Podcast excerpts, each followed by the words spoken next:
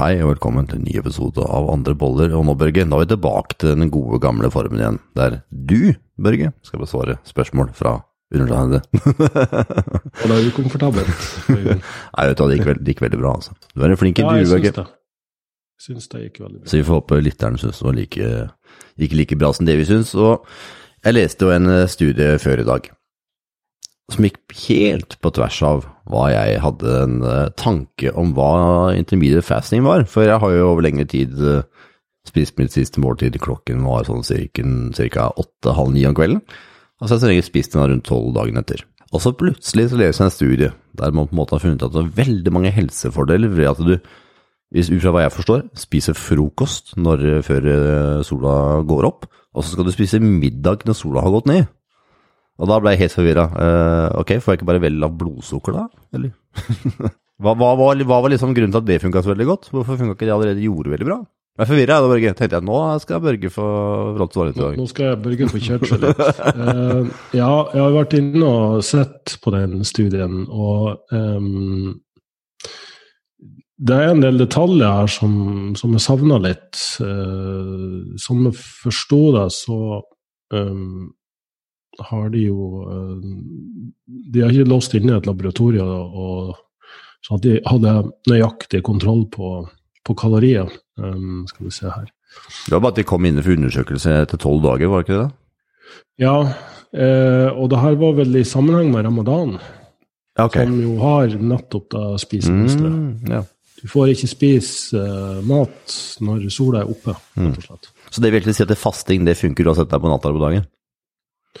Eh, ja, og grunnen til at de satte opp på denne måten, er jo um, i stedet for å eksempel, Da vi har sett på andre sånn intermittent fasting, eller periodisk fastestudier, er hvis du spiser veldig mye mat veldig sent, så kan det forårsake problemer.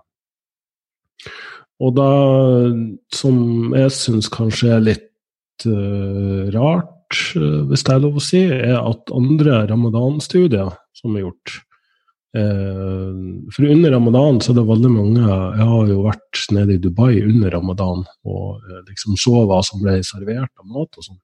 Og Det kan være ganske så kaloririk mat at de virkelig spiser mye mat eh, fordi de har gått uten mat hele dagen. Jeg fortalte den gangen som jeg fasta i 24 timer, Børge. Jeg fortalt det? Mm, ja, mulig, men Ja, eh, jeg, jeg skal, jeg. For litt siden så bestemte jeg meg for at jeg tar en 24 timers faste. Bare først at jeg skulle se meg mentalt uh, synes at det var greit. Og nummer to så tenker jeg at det er sunt for kroppen å ta en 24 timers faste av og til. Og jeg er som sagt vant med at jeg ikke spiser frokost før rundt uh, halv tolv-tolv, så det gikk helt greit. Når klokka begynte å bli halv ett-ett, da kjente jeg at åh, nå begynner jeg å bli sulten. Når klokka var to, da fantaserte jeg biffsnadder med bearnéssaus. Så fra klokka var to til klokka var halv fem, jeg gikk og snakka om annet enn at jeg skulle få meg biffsnadder med, med pommes frites og bearnéssaus. Og når klokka da passerte halv seks, så var jeg plutselig ikke så sulten lenger. Mm. Men eh, jeg skal love deg at det ble jo to biffsnadder med bearnéssaus da når klokka var åtte. Og det angrer jeg jo veldig på, for en eh, mage som ikke har spist for 24 timer, er ikke veldig glad i frityrpoteter og bearnéssaus eh, fra Kina-butikken. Så jeg fikk henne på andre enden, men det var bare veldig interessant hvordan hjernen på en måte begynner å lage de fantasiene om åh, oh, det her kommer til å bli verdens beste ting å få, fordi at man er sulten. Ja. Ja. Back ja, on course. Det er jo det som skjer når du avstår helt fra mat. Eh, I starten så blir du veldig sulten fordi du er vant til å spise da. Eh, kroppen blir veldig innstilt på en viss måltidsrytme. Så veldig mange av de periodisk faste-studiene og eh, frokost- eller ikke-studiene osv. er eh, litt forstyrra av at det ikke er en innkjøringsfase først eh, til et nytt kostholdsmønster. For det kan ta tre til fem dager for kroppen å tilpasse et nytt spisemønster. Sånn at eh, de første dagene så kan du liksom oppleve at ja, du er skrubbsulten når du normalt sett skulle ha spist, sjøl om du har eh, spist nok kalorier sånn matematisk sett. Em, men så vil det jo altså, Mye av årsaken til at periodisk fastemønster fungerer så bra, dvs. Si å rett og slett gå mange timer uten mat, er at du spiser mindre kalorier totalt sett. Og nesten uavhengig av lavkarbo, høykarbo, vegansk, animalsk, eh, alt midt imellom, um, periodisk faste, måltidsfrekvens, blad i blad. Hvis du går ned i vekt, hvis det her skaper et kaloriunderskudd på en eller annen måte, så har det ansvaret for de største helseforbedringene.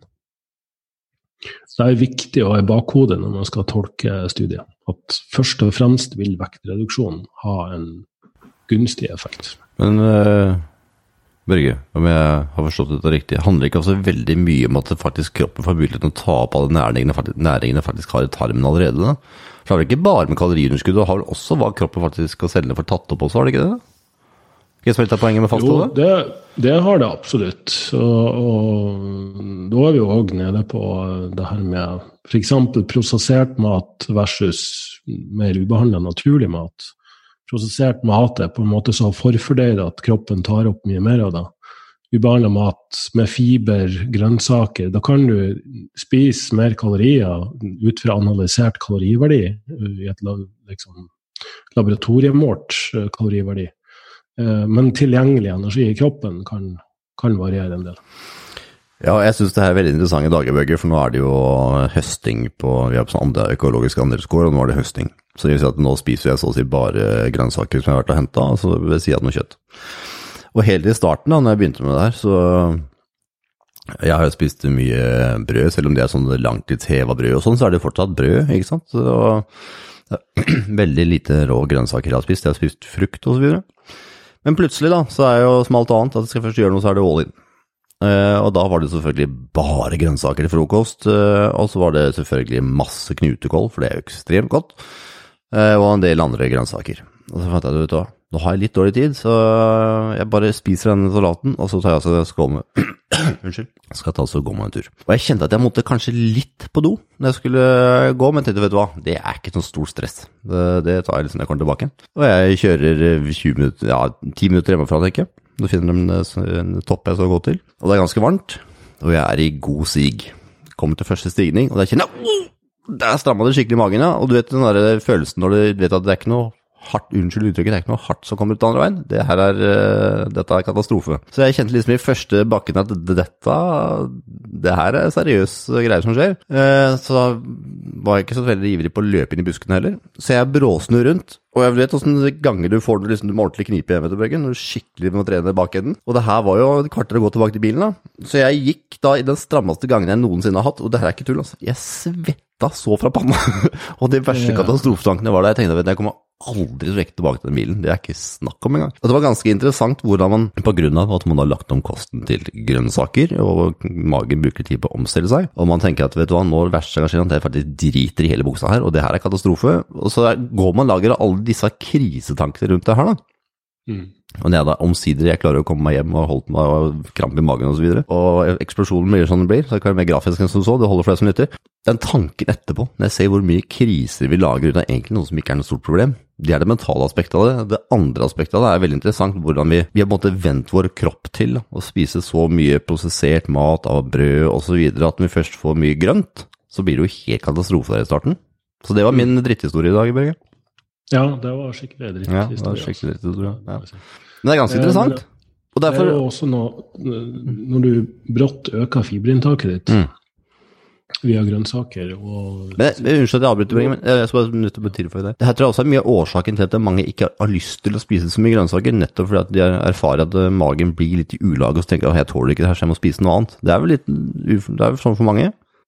Ja, men ikke sånn, kroppen må få noen dager å tilpasse på. Hvis du brått endrer på både spisemønster og matvalg, så kan det ta noen dager for kroppen å tilpasse seg. da. Det er visse enzymer som skal oppreguleres, og, ja, i hele tatt evnen til å fordøye. Uh, fiber må oppreguleres hvis du har kutta det helt ut, eller spist veldig lite en periode. Når det er sagt, så vil det jo være individuelle forskjeller på hvor godt man tåler store mengder fiber. Og jeg vil jo si at hvis du har et typisk vestlig kosthold og du tilfører grønnsaker, så vil det ha en positiv effekt. Men over et visst minimum så vil det ikke Altså det er ikke en sånn um, lineær effekt. Det vil si at jo mer grønnsaker du spiser, jo bedre er det. Men det er helt sykt godt når du får helt ferske grønnsaker, altså. ja, ja, ja. Og det er jo de mest næringsrike når det er kortreist og det, det er ferskt. Så det er bare viktig å liksom um, um, huske på at nummer én, du må tilpasse deg, og, og nummer to, over en viss sånn grense, da. Um, ja, bruk, bruk litt sunn fornuft, tenker jeg. Så, så kan det være uh, litt, litt, eh, litt i overkant mye. Hvis det går utover eh, altså Hvis du går rundt og rett og slett har så utstående mage fordi du har spist så store mengder grønnsaker at du ikke klarer å få i nok eh, protein og fett og, og kalorier generelt, så, så kan det jo på sikt bli et problem. Vi spora, unnskyld, det var meg som spora litt noe som alltid. Spora litt av sporet, nettopp det med fasteburger. Kommer vi til konklusjonen av nettopp det at det er bare at du bare har en tid imellom måltid som gjør at dette er hensiktsmessig? Det har ikke noe å si om det er på dagen eller på natta, eller hva det er? Eh, altså denne Studien så jo egentlig på sånne metabolske parametere, og eh, de så på mikrobiota, og de så på liksom sånn eh, markører. Prote proteomics, som det heter. Eh, som i noen studier er knytta opp mot eh, kreftrisiko og ulike eh, ja, sånn som DNA, immunforsvar eh, og, og biorytmer og Alzheimer og alt mulig. De har ramsa opp en hel masse her. Um, men det er ikke dermed sagt, tenker jeg da. Dette er interessant, absolutt. Men det er ikke dermed sagt at dette vil ha en krefthemmende effekt. Uh, selv om denne studien varte i 30 dager, og de så de, de endringene som de gjorde. Eh, du må huske på at eh, faste eller kalorireduksjon, eller hva en slags måte du bruker for å jeg vil, jeg vil si at faste er jo noe som induserer ketose. Det er rett og slett fravær av mat lenge nok til at kroppen må switche over til å bruke lagra energi. Eh, og med mindre du trener, så, så vil leverglykogenet kunne eh, tømmes eh, ganske fort, og, og kroppen må gå over til å bruke fett og omdanna fett og ketoner som energi. Så, så veldig mange av de samme eh, positive endringene har man sett i ketogene studier også. Det, skal nevnes. Ikke dermed sagt at ja, jeg anbefaler heller et ketogen kosthold over eh, faste. Men, men faste er på en måte en slags um, Det er et plaster for at kostholdet ditt kanskje ikke er så bra som det burde være. Eh, samtidig er det en evolusjonær eh, grunn til at vi kanskje mm, eh, får helsefordeler av å gå periodevis uten mat. Det å være litt sulten av og til eh, er ikke helseskadelig på ingen måte. Det er imot er jo å gå kronisk eh, i underskudd og være på diett i altfor lang tid, eller liksom aldri ha perioder med nok kalorier, nok næring. Så, så høyst interessant. Eh, Jeg vil jo si at de ivaretok mye av denne biorytmiske fordelen det er med å spise frokost ved å faktisk ha et greit matinntak. Hvor stor andel av det sto det ikke, men jeg tenker at um, For de studiene jeg har snakka om en del tidligere, det er et spisemønster der du fokuserer mesteparten av kaloriene tidlig på dagen. Du spiser en frokost, en lunsj og en tidlig middag. Så unngår du å spise veldig mye veldig sent. Eh, Så det her er kanskje en annen måte å gjøre det på. Å spise før soloppgang, og så spise etter solnedgang.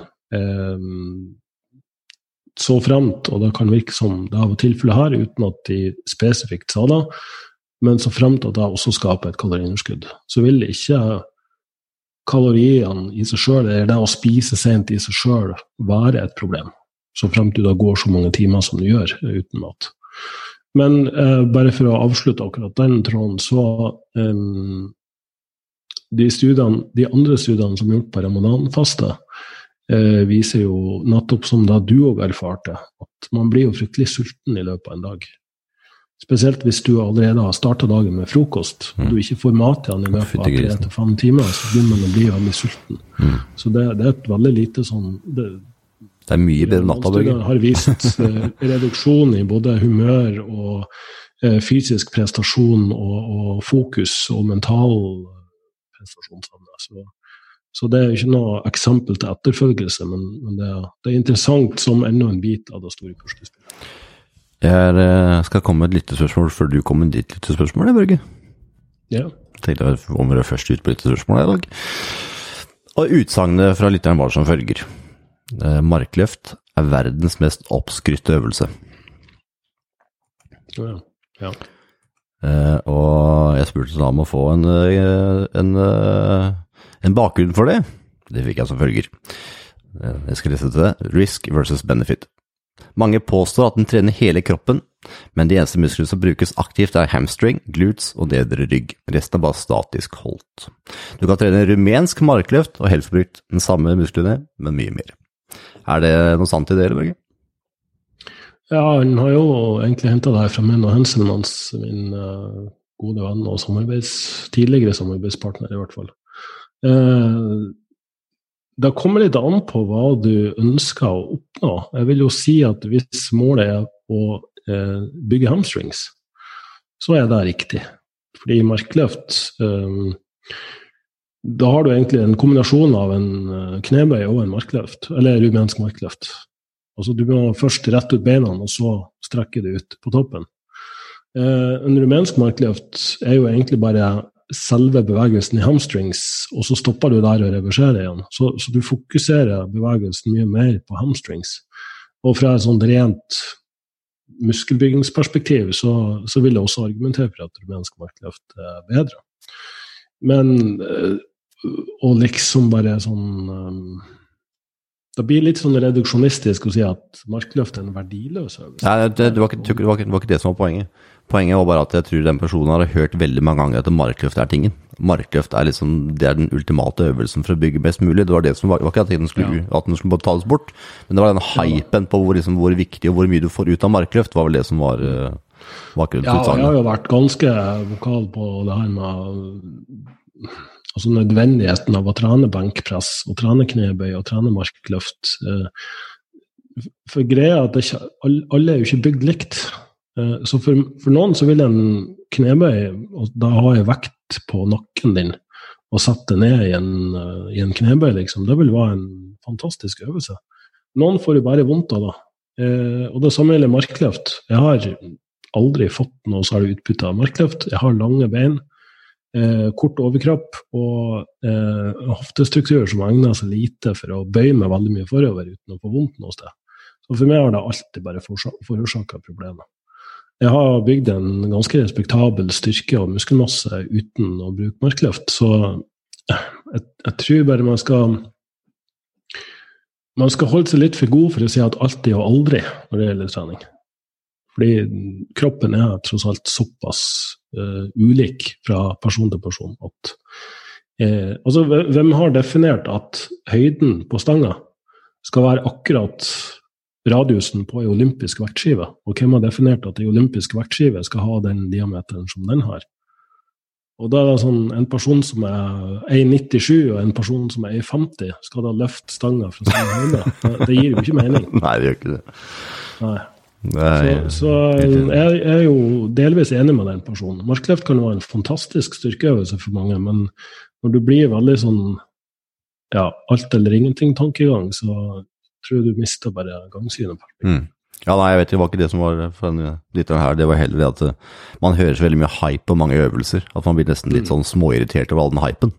Og det er vel det med at man eh, i dag hører så mye hype om ting. Man liksom har det, ta, gjør det programmet her, så vil du bli beste formen din noensinne, eller spis den tingen her, så blir verdens beste form. Jeg tror liksom det er den der, Man begynner å bli litt sånn smålei av alle disse utsagnene hele tiden. At det blir sånn at det er ikke alle utsagn her som faktisk stemmer. Noen øvelser kan faktisk være bedre enn det som du hypa opp. Jeg tror det var det som var bakgrunnen for, eh, for utsagnet her. Og det, ja. og jeg tenker at det er litt viktig å ta opp også. Hvis at det, eh, det er en del øvelser eller kostholdsprogram eller andre ting som blir veldig hypa opp, men kanskje ikke det er like bra, eller kanskje ikke det er den der eh, magiske pilla, den limitless-pilla, liksom, så tenker jeg at det er greit å ta det opp. For det kan være mange som tenker at jeg undertegnede er veldig der. Jeg har heller aldri fått et knebøy. Jeg er nesten to meter høy og ganske stiv, og knebøy er ikke noe for meg, heller ikke benkpress. Men jeg har fått veldig gode resultater i å bruke hantler eller apparater. Men ikke vanlig benkpress med stang. Eh, men, men så husker jeg det før da jeg var yngre, at da var liksom, du skulle være sterk i benkpress helst, og du skulle være forholdsvis god i knebøy. Ingen av de øvelsene funka for meg. Så da blir det rundt å gå og tenke på hvorfor er ikke jeg god i de øvelsene der. Ja, ja. Og, jeg, liksom, jeg ønsker Sammenlignet med, med han eh, lille korte tønnebygde duden på gymmet som, som tar 200 i benk og, og trener i knebøy, liksom. Ja. eh, Og da- Og Derfor syns jeg det er viktig å ta det opp. For det, jeg husker vi var mange år jeg gikk rundt og syntes at det, hvorfor får jeg ikke det her til? Det var liksom, Jeg kunne være kjempesterk i noen øvelser, men ikke på de øvelsene som liksom var de viktigste øvelsene som andre kunne målte seg i. Så for deg som lytter, så kan du ha det som Børge nå sa litt i, litt i minnet, at finn øvelser øvelse som passer for deg, da. Og de du Ja. Den øvelsen For din som du kan øke jevnt og trutt Mm. på uten å oppleve noe skade eller smerte eller ubehag, tenker jeg er den beste anbefalinga på. Og det er så viktig, Børge, for det Jeg kan si Jeg innser det først nå. Og det er jo hvor mange øvelser man eh, har prøvd på opp mellom tiden. som man har hørt at det er kjempegod øvelse. Du bare kjenner at du får vondt, eller kanskje blir litt feil for skuldra di, f.eks. Og så bare nei, jeg må jo ta den, for det er en veldig viktig øvelse å ta. Vi har egentlig aldri hørt noe særlig om å ta de som passer best for kroppen din. Vi hører de øvelsene, vet du hva, det er beste øvelsen. Skal du noen gang få noen særlig skuldre, altså, da må du ta den skulderpressøvelsen der. Særlig den bak huet. ikke sant? Og så er den så vondt at du får nesten ikke vrengt deg til å klare å ta øvelsen. Ja, men det er den beste øvelsen. Ja, men du hører mye sånt. Var det iallfall sånn før. Ja, ja, ja. Ja, men det er jo klok av skade også. Mm, ja. Jo da, når man har rødt skuldra et par ganger og ikke klarer å gå, så har man lært noe, men for mange som starter opp, da, så er det viktig å huske. Mm. Da begynner det å lyne og tordne, Børge, så hvis det begynner å se liksom- ut For jeg har hatt denne diskusjonen med mange opp gjennom årene, og spesielt der med ja, men en knebøy da skal alle klare å, å gjennomføre. Og det er sånn, ja, det er jeg helt enig i, for du trenger jo evnen til å gjennomføre en knebøy for å sette i en stol, eller sette på do, eller uh, sette på huk, liksom. Men det er ganske langt fra den antagelsen og til å si at du skal være i stand til å ha 200 kg på nakken på en metallstang med vekter på hver ende og sette ned i de samme knebøy. Det, gir jo ikke helt mening. Så, så igjen, biomekanikk, struktur um, For all del, jobb med mobilitet og bevegelsesevne. men, men tenk litt over hvilken del av bevegelsen du, du belaster, og hvor mye du belaster. Og så vet jeg at du hadde lyttespørsmål også, Børge, så jeg tenkte vi kunne ta det òg. Og bare sånn, for jeg, jeg bare sier det før du får lov til å begynne, det er at nå er det veldig uvær, og det lyner og dorner, så hvis jeg plutselig faller ut, så vet du grunnen. Da vet du årsaken, ja. Ja. ja. da. Her er uvær her også, så det er muligens litt sånn uh, susing i bakgrunnen. Hvit, hvit støy. Fyll løs, Børge. Ja, uh, spørsmålet var på uh, hvordan avslutte en diett. Og det Ja, var det litt sånn som jeg sa, eller var det, er det litt sånn biff snadder med pommes frites og bearnéssaus? Eh, nei, det her har med reverse diet, eller omvendt diett, å gjøre. Altså hvordan skal du justere kaloriene for å opprettholde formen når du er ferdig på en diett. Og det er mange eh, eksperter som anbefaler at du skal, du skal skru opp kaloriene veldig gradvis når du er ferdig på en diett, for å liksom unngå at du legger på det fett. Og eh, jeg har, jeg har eh, litt for og imot når det gjelder akkurat det der. Eh, Fordelen med det er at det, det er en bedre strategi enn å gå rett over på junkfood eller spise det samme som du gjorde før. For Hvis du må spise på en måte for å gå ned 10 kilo i vekt, og så går du tilbake til å spise sånn som du spiste før, da vil du gå opp 10 kilo igjen. Da vil du ende opp der du var før. Så, så du må spise på en måte som en person som veier 10 kilo mindre, faktisk spiser. Så si at du veide 100 kg når du begynte på diett. Eh, og så har du gått ned 20 kg. Og hvis du spiste 3000 kalorier når du veide 100 kg, og du nå veier 80 kg, så kan du ikke spise 3000 kalorier. Sant? Da må du tilpasse og justere. Altså, du har et nytt vedlikeholdsnivå. Vi kan anta da at det kanskje er rundt 2500-2400 kalorier. Men så er det jo også sånn at hvis du har gått veldig lenge på diett, så har kroppen kompensert mye mer og redusert stoffskifte og eh, gått litt mer i sånn energikonserveringsmodus. Det er derfor at de fleste langvarige dietter gjør at du må liksom progressivt spise mindre og mindre og mindre, og mye mindre enn da din nåværende kroppsvekt skulle tilsi for å gå ned videre i vekt. Um, så, så eksempel når jeg har um, jobba med mennesker over lengre tid for å skulle komme i form til en fitnesskonkurranse, så har vi lagt inn perioder med si ei uke, minimum én eller to dager i uka med høyere kalorier. Uh, mer kalorier på treningsdager og mindre på hviledager. Um, jeg er ikke noe fan av å bruke sånn spisedag eller cheat day. Da syns jeg er litt uh, dårlig tilnærming. Men òg periodevis, kanskje hele uka i strekk, der du skrur opp kaloriene så mye at forbrenninga får komme litt i gang, og kroppen får en følelse av normalitet. Og Da er det òg studier som viser at i stedet for å gå uavbrutt på diett i flere måneder, så da å legge ned uka nå og da med mer kalorier, de, de har uh, bedre totalt utfall. Uh, altså bedre vektreduksjon eller fettreduksjon og bedre bevaring av muskelmasse. Um, men det som taler mot for å gå såpass gradvis opp, i dette tilfellet så sier det at jeg har økt med 100 kalorier, det er 150 kalorier i uka. Si at denne personen, for å gå ned 20 kg, så hadde de ligget på 1500 kalorier, bare for å bruke tall. Og det er allerede veldig lite for en såpass uh, stor person. Da. Eh, men det kan nok fungere meget bra. Eh, hvis du spiser nok protein og sørger for å holde i aktivitet og trening, så kan du gå ned ganske hurtig i vekt. Det er jo en viss sånn grense for hvor hurtig man bør gå ned i vekt, men det blir en annen diskusjon.